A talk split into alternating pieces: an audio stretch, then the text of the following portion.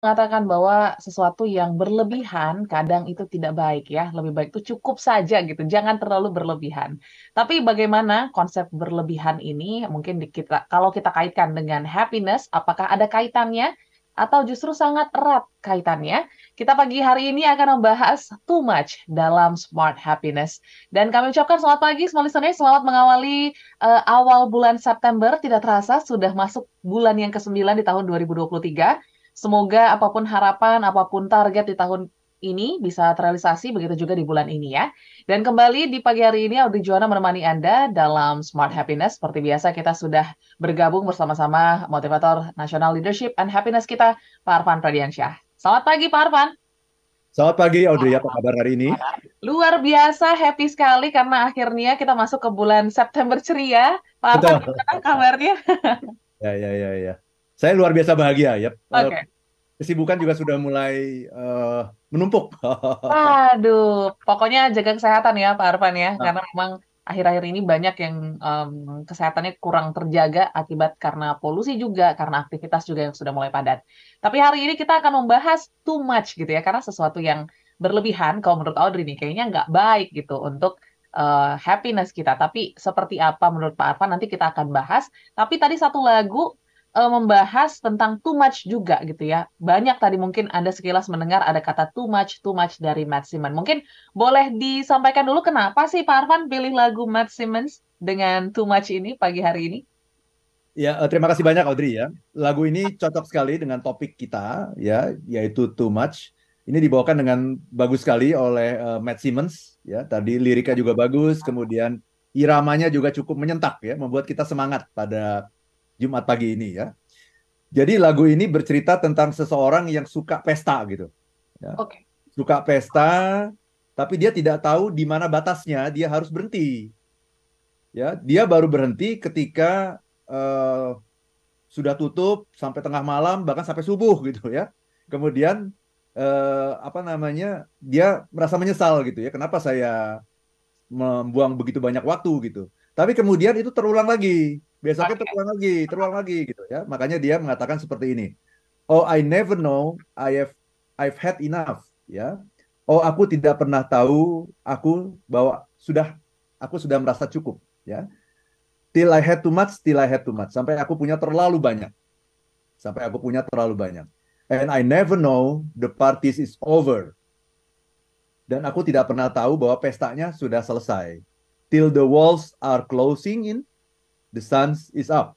Sampai dindingnya sudah tertutup, sampai matahari terbit. When I went and done and did it again, I took it too far and the part of me I've been trying to pretend isn't there. Ya, kemudian aku pergi dan selesai, eh kemudian aku melakukannya lagi. Aku menganggapnya terlalu jauh dan menjadi bagian dari diriku. Aku hmm. berpura-pura tidak ada di sana. Ya, went and overshared with all my friends, stare at the wall and recall all I said. Pergi dan berbagi dengan semua teman-temanku, menatap dinding dan mengingat semua yang dapat saya katakan. Ya, cause nobody knows if you meant it. Karena tidak ada yang tahu apakah engkau bersungguh-sungguh. God only knows how they felt when you said it. Tuhan, ya hanya Tuhan yang tahu bagaimana perasaan mereka pada saat Anda mengatakannya. Do you know if you mean it? Ya. Yeah. Well, I mean to keep it to myself, ya. Yeah. Tahukah kau jika engkau bersungguh-sungguh? Ya, aku bermaksud menyimpannya untuk diriku sendiri. Oke. Okay. Oh, dari dari Maximan. Yes, berarti kalau bisa kita ambil gambaran ini uh, apa ya?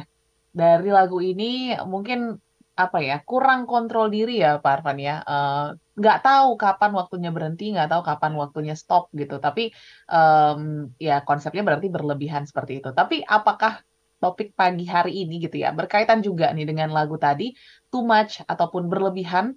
Dan mungkin Pak Arfan boleh bagikan dulu sebenarnya berlebihan yang seperti apa sih yang akan kita bahas hari ini Pak Arfan? Terima kasih banyak Audrey.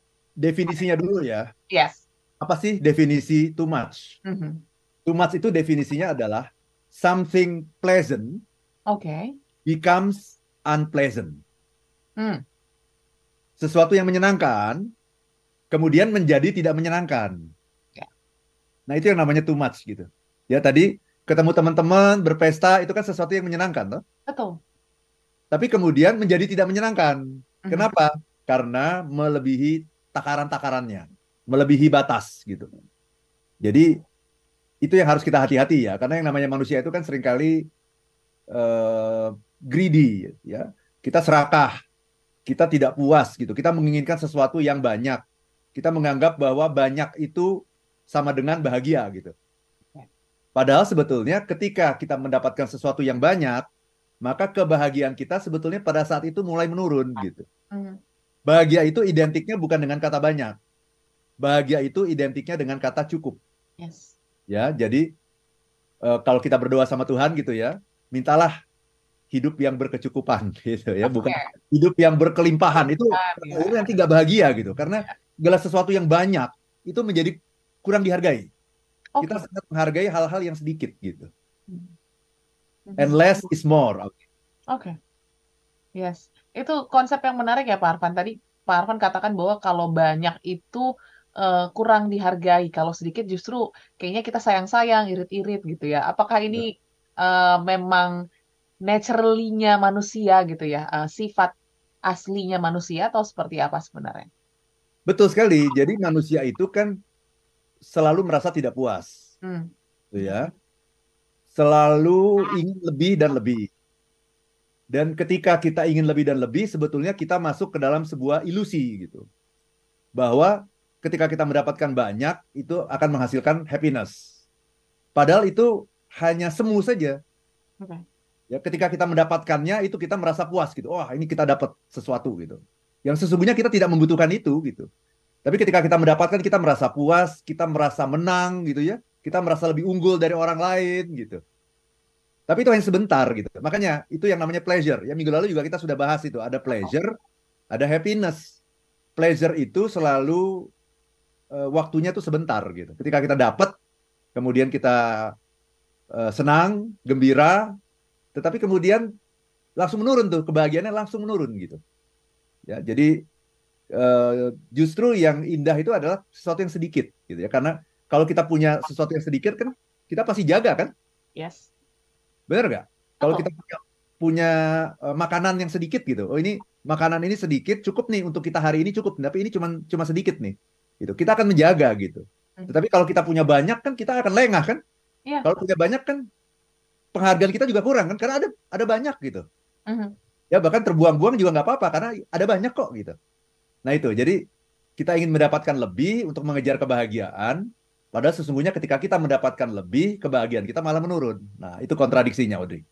Oke, sampai di situ dulu Pak Arfan. Nanti kita akan lebih lanjut memperbincangkan tentang too much. Kalau Anda pun mungkin pernah punya pengalaman gitu ya, eh, melakukan sesuatu atau mempunyai sesuatu yang berlebihan, eh, terus juga mungkin berujungnya jadi unpleasant gitu ya, atau tidak menyenangkan juga boleh. Silakan sharing pada pagi hari ini di 0812 11 12 959 atau juga bisa pergunakan live chat YouTube kami untuk Anda yang sudah menyimak live streaming. Selamat pagi.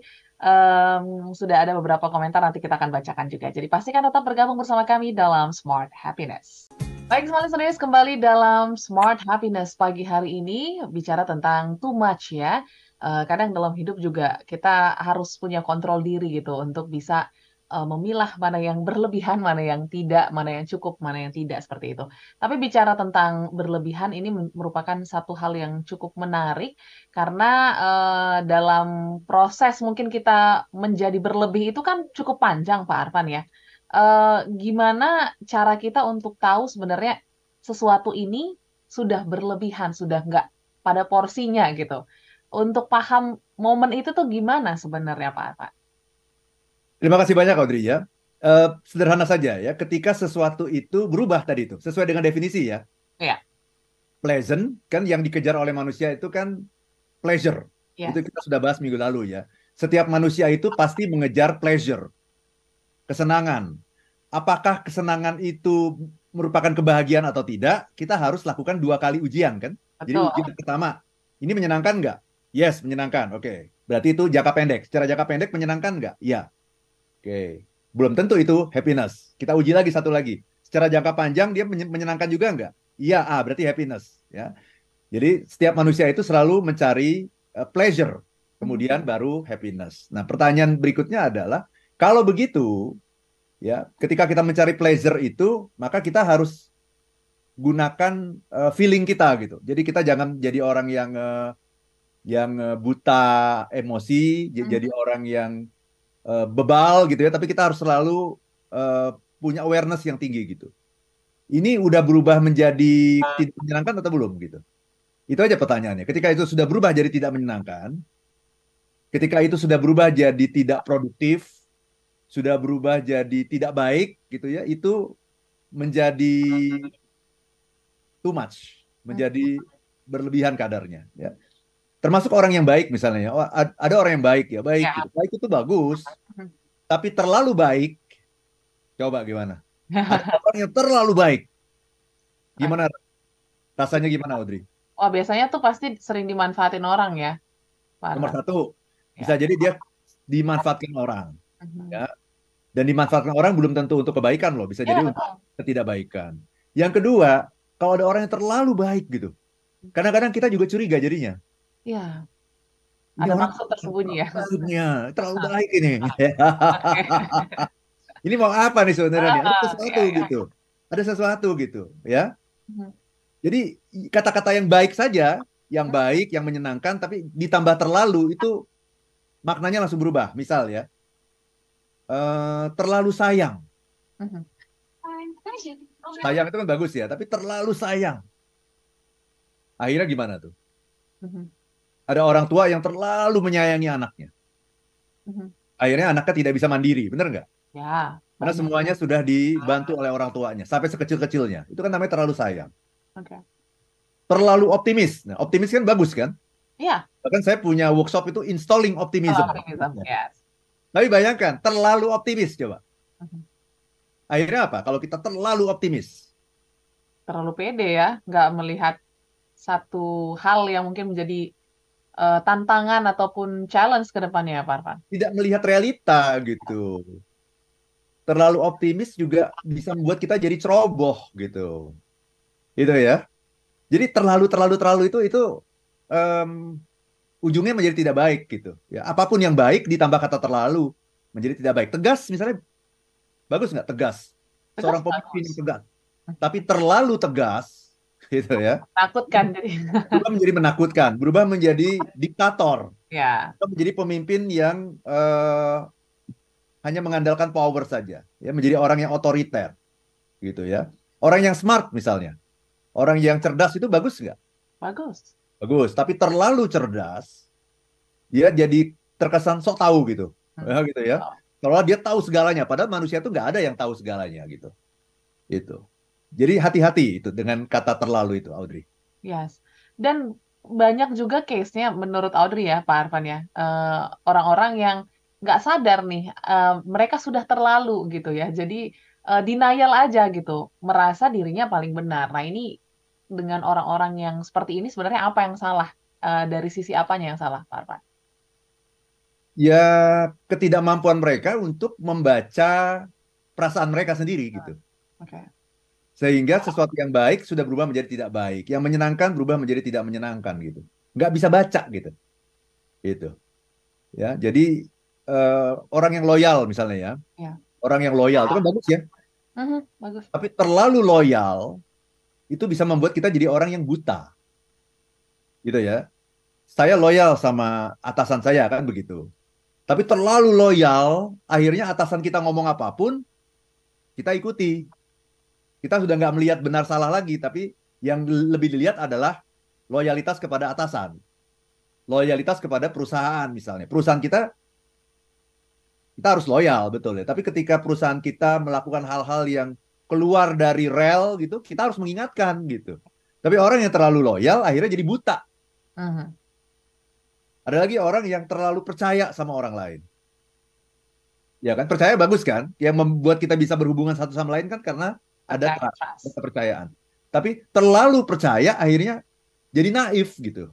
Gampang dibohongin orang kalau kita terlalu percaya, nggak pakai akal sehat lagi gitu. Itu. Jadi memang kita harus punya kemampuan merasa ini loh. Ini ini benar apa enggak? Jadi feelingnya karena ini juga batasnya di mana itu sulit karena kadang gitu. Hmm. Ya batasnya di mana? Misalnya gini, orang yang cepat mengambil keputusan tuh bagus nggak? Bagus. Bagus. Tapi terlalu cepat. Nah, gitu ya. A- Apa bedanya cepat dengan terlalu cepat? Ada proses berpikirnya ya kayaknya Pak Arfan ya. Iya. Jadi cepat atau terlalu cepat itu harus dirasakan gitu. Harus ada feelingnya main di situ. Tidak bisa semata-mata rasio semata-mata gitu. Mhm. Tapi ini ini cepat atau kecepatan nih gitu kan? Ya. Kan kita harus tahu ini cepat atau kecepatan. Kalau cepat itu bagus, Mhm. tapi kalau kecepatan itu namanya tergesa-gesa. Tuh. Dan biasanya orang yang tergesa-gesa itu salah mengambil keputusan, salah mengambil langkah karena dia tergesa-gesa. Mhm. Gitu. Jadi feelingnya yang harus bermain itu Audrey.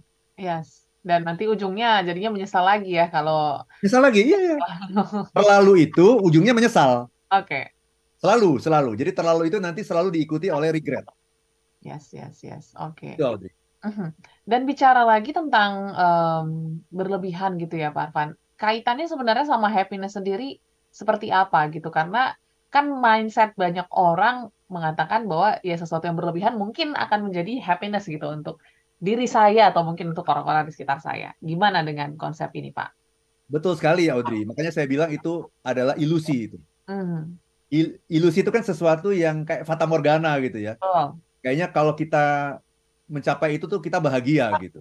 Orang-orang yang selingkuh itu kan berpikir ya bahwa kalau saya bisa melakukan apa yang saya inginkan dengan selingkuhannya gitu, dia akan bahagia. Itu ilusi.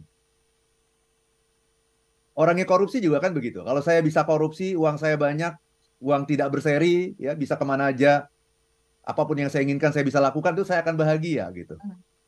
Nah itu kan ilusi gitu. Ilusi itu ada sesuatu yang kelihatannya benar, kelihatannya menggiurkan gitu, kelihatannya membuat kita semangat gitu, tetapi sebetulnya itu bukan apa-apa, Mhm. nggak ada apa-apanya gitu sebetulnya gitu.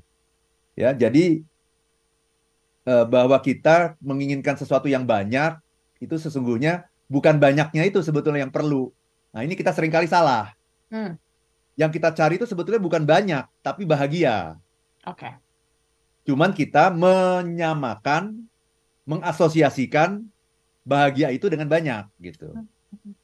Sehingga akhirnya ketika kita kita mengejar bahagia, kita menginginkan sesuatu yang lebih lebih lebih. Karena memang dasarnya manusia memang selalu tidak puas gitu ya. Nah, eh, di sini kita baru menyadari bahwa setelah kita mendapatkan itu, ternyata kok nggak bahagia juga gitu. Bahkan kebahagiaan kita malah menurun. Apalagi kalau kita melakukan hal-hal yang tidak sesuai dengan lingkaran kebaikan, maka kita akan mendapatkan yang namanya feeling yang namanya regret tadi. Mhm. Jadi rumus kebahagiaan bukan itu, Oke. bukan bukan semakin banyak semakin bahagia, tapi semakin banyak maka kenikmatan juga akan berkurang, Oh, Oke. gitu ya. Makan es krim contohnya, Ya. suka makan es krim nggak? Suka dong. Nggak ya es krim ya. Suka. Itu kalau satu loh, Yes. satu satu mangkok es krim gitu ya, Ah. oke. Kalau nambah lagi dua, Masih enak sepertinya Pak Arfan. mungkin masih masih Iya. curious gitulah ya, Iya. Masih curious kalau dua. Nambah lagi tiga, Oke lah, boleh lah. Tiga. tiga udah kebanyakan deh kayaknya. Batuk besoknya nanti. Iya. Sakit tenggorokan. Iya kan satu satu masih kurang. Oke, masih curious. Oke, dua. Iya. Tiga, empat, lima, lama-lama itu sudah menjadi sesuatu yang unpleasant gitu ya, tidak Iya. menyenangkan lagi gitu. Nah kita nggak tahu batasnya, makanya tadi Iya, kita iya. diskusi supaya kita tahu batasnya. Kalau saya bilang sih satu itu cukup gitu ya. Saya belajar dari Nabi Muhammad ya. Hmm? Nabi Muhammad pernah mengatakan gini, kalau kamu eh, lapar, eh, makan. Jadi makan tuh sesudah kamu lapar. Oke. Jadi jangan makan sebelum kita lapar. Ya, karena your eyes sering kali ya Lapar. bigger Lapar duluan. in your stomach. Iya. Mata itu lebih lebih besar daripada perut kita kan begitu ya. Lapar mata namanya. Jadi makanlah kalau kamu sudah lapar. Dan berhentilah Sebelum kenyang. kamu kenyang. Iya. Oh. Karena kalau sudah kenyang itu sebentar lagi nggak enak gitu. Sudah pertanda sebenarnya, Pak. Udah pertanda bakal nggak enak gitu. Karena kan kita masih butuh minum, Betul. masih butuh udara dalam perut kita. Jangan sampai makanan yang memenuhi perut sehingga tidak ada air, tidak ada udara gitu. Jadi berhentilah sebelum kenyang. Nah, itu kan susah banget untuk diterapkan kan? Karena aduh tanggung nih, aduh dikit lagi nih, aduh kayak kurang nendang nih gitu. Ya, tapi coba deh kalau kita betul-betul menerapkan itu, kira-kira hampir kenyang sedikit gitu ya. Kira-kira nanti tinggal dikit lagi nih, belum belum belum 190 ya. Stop.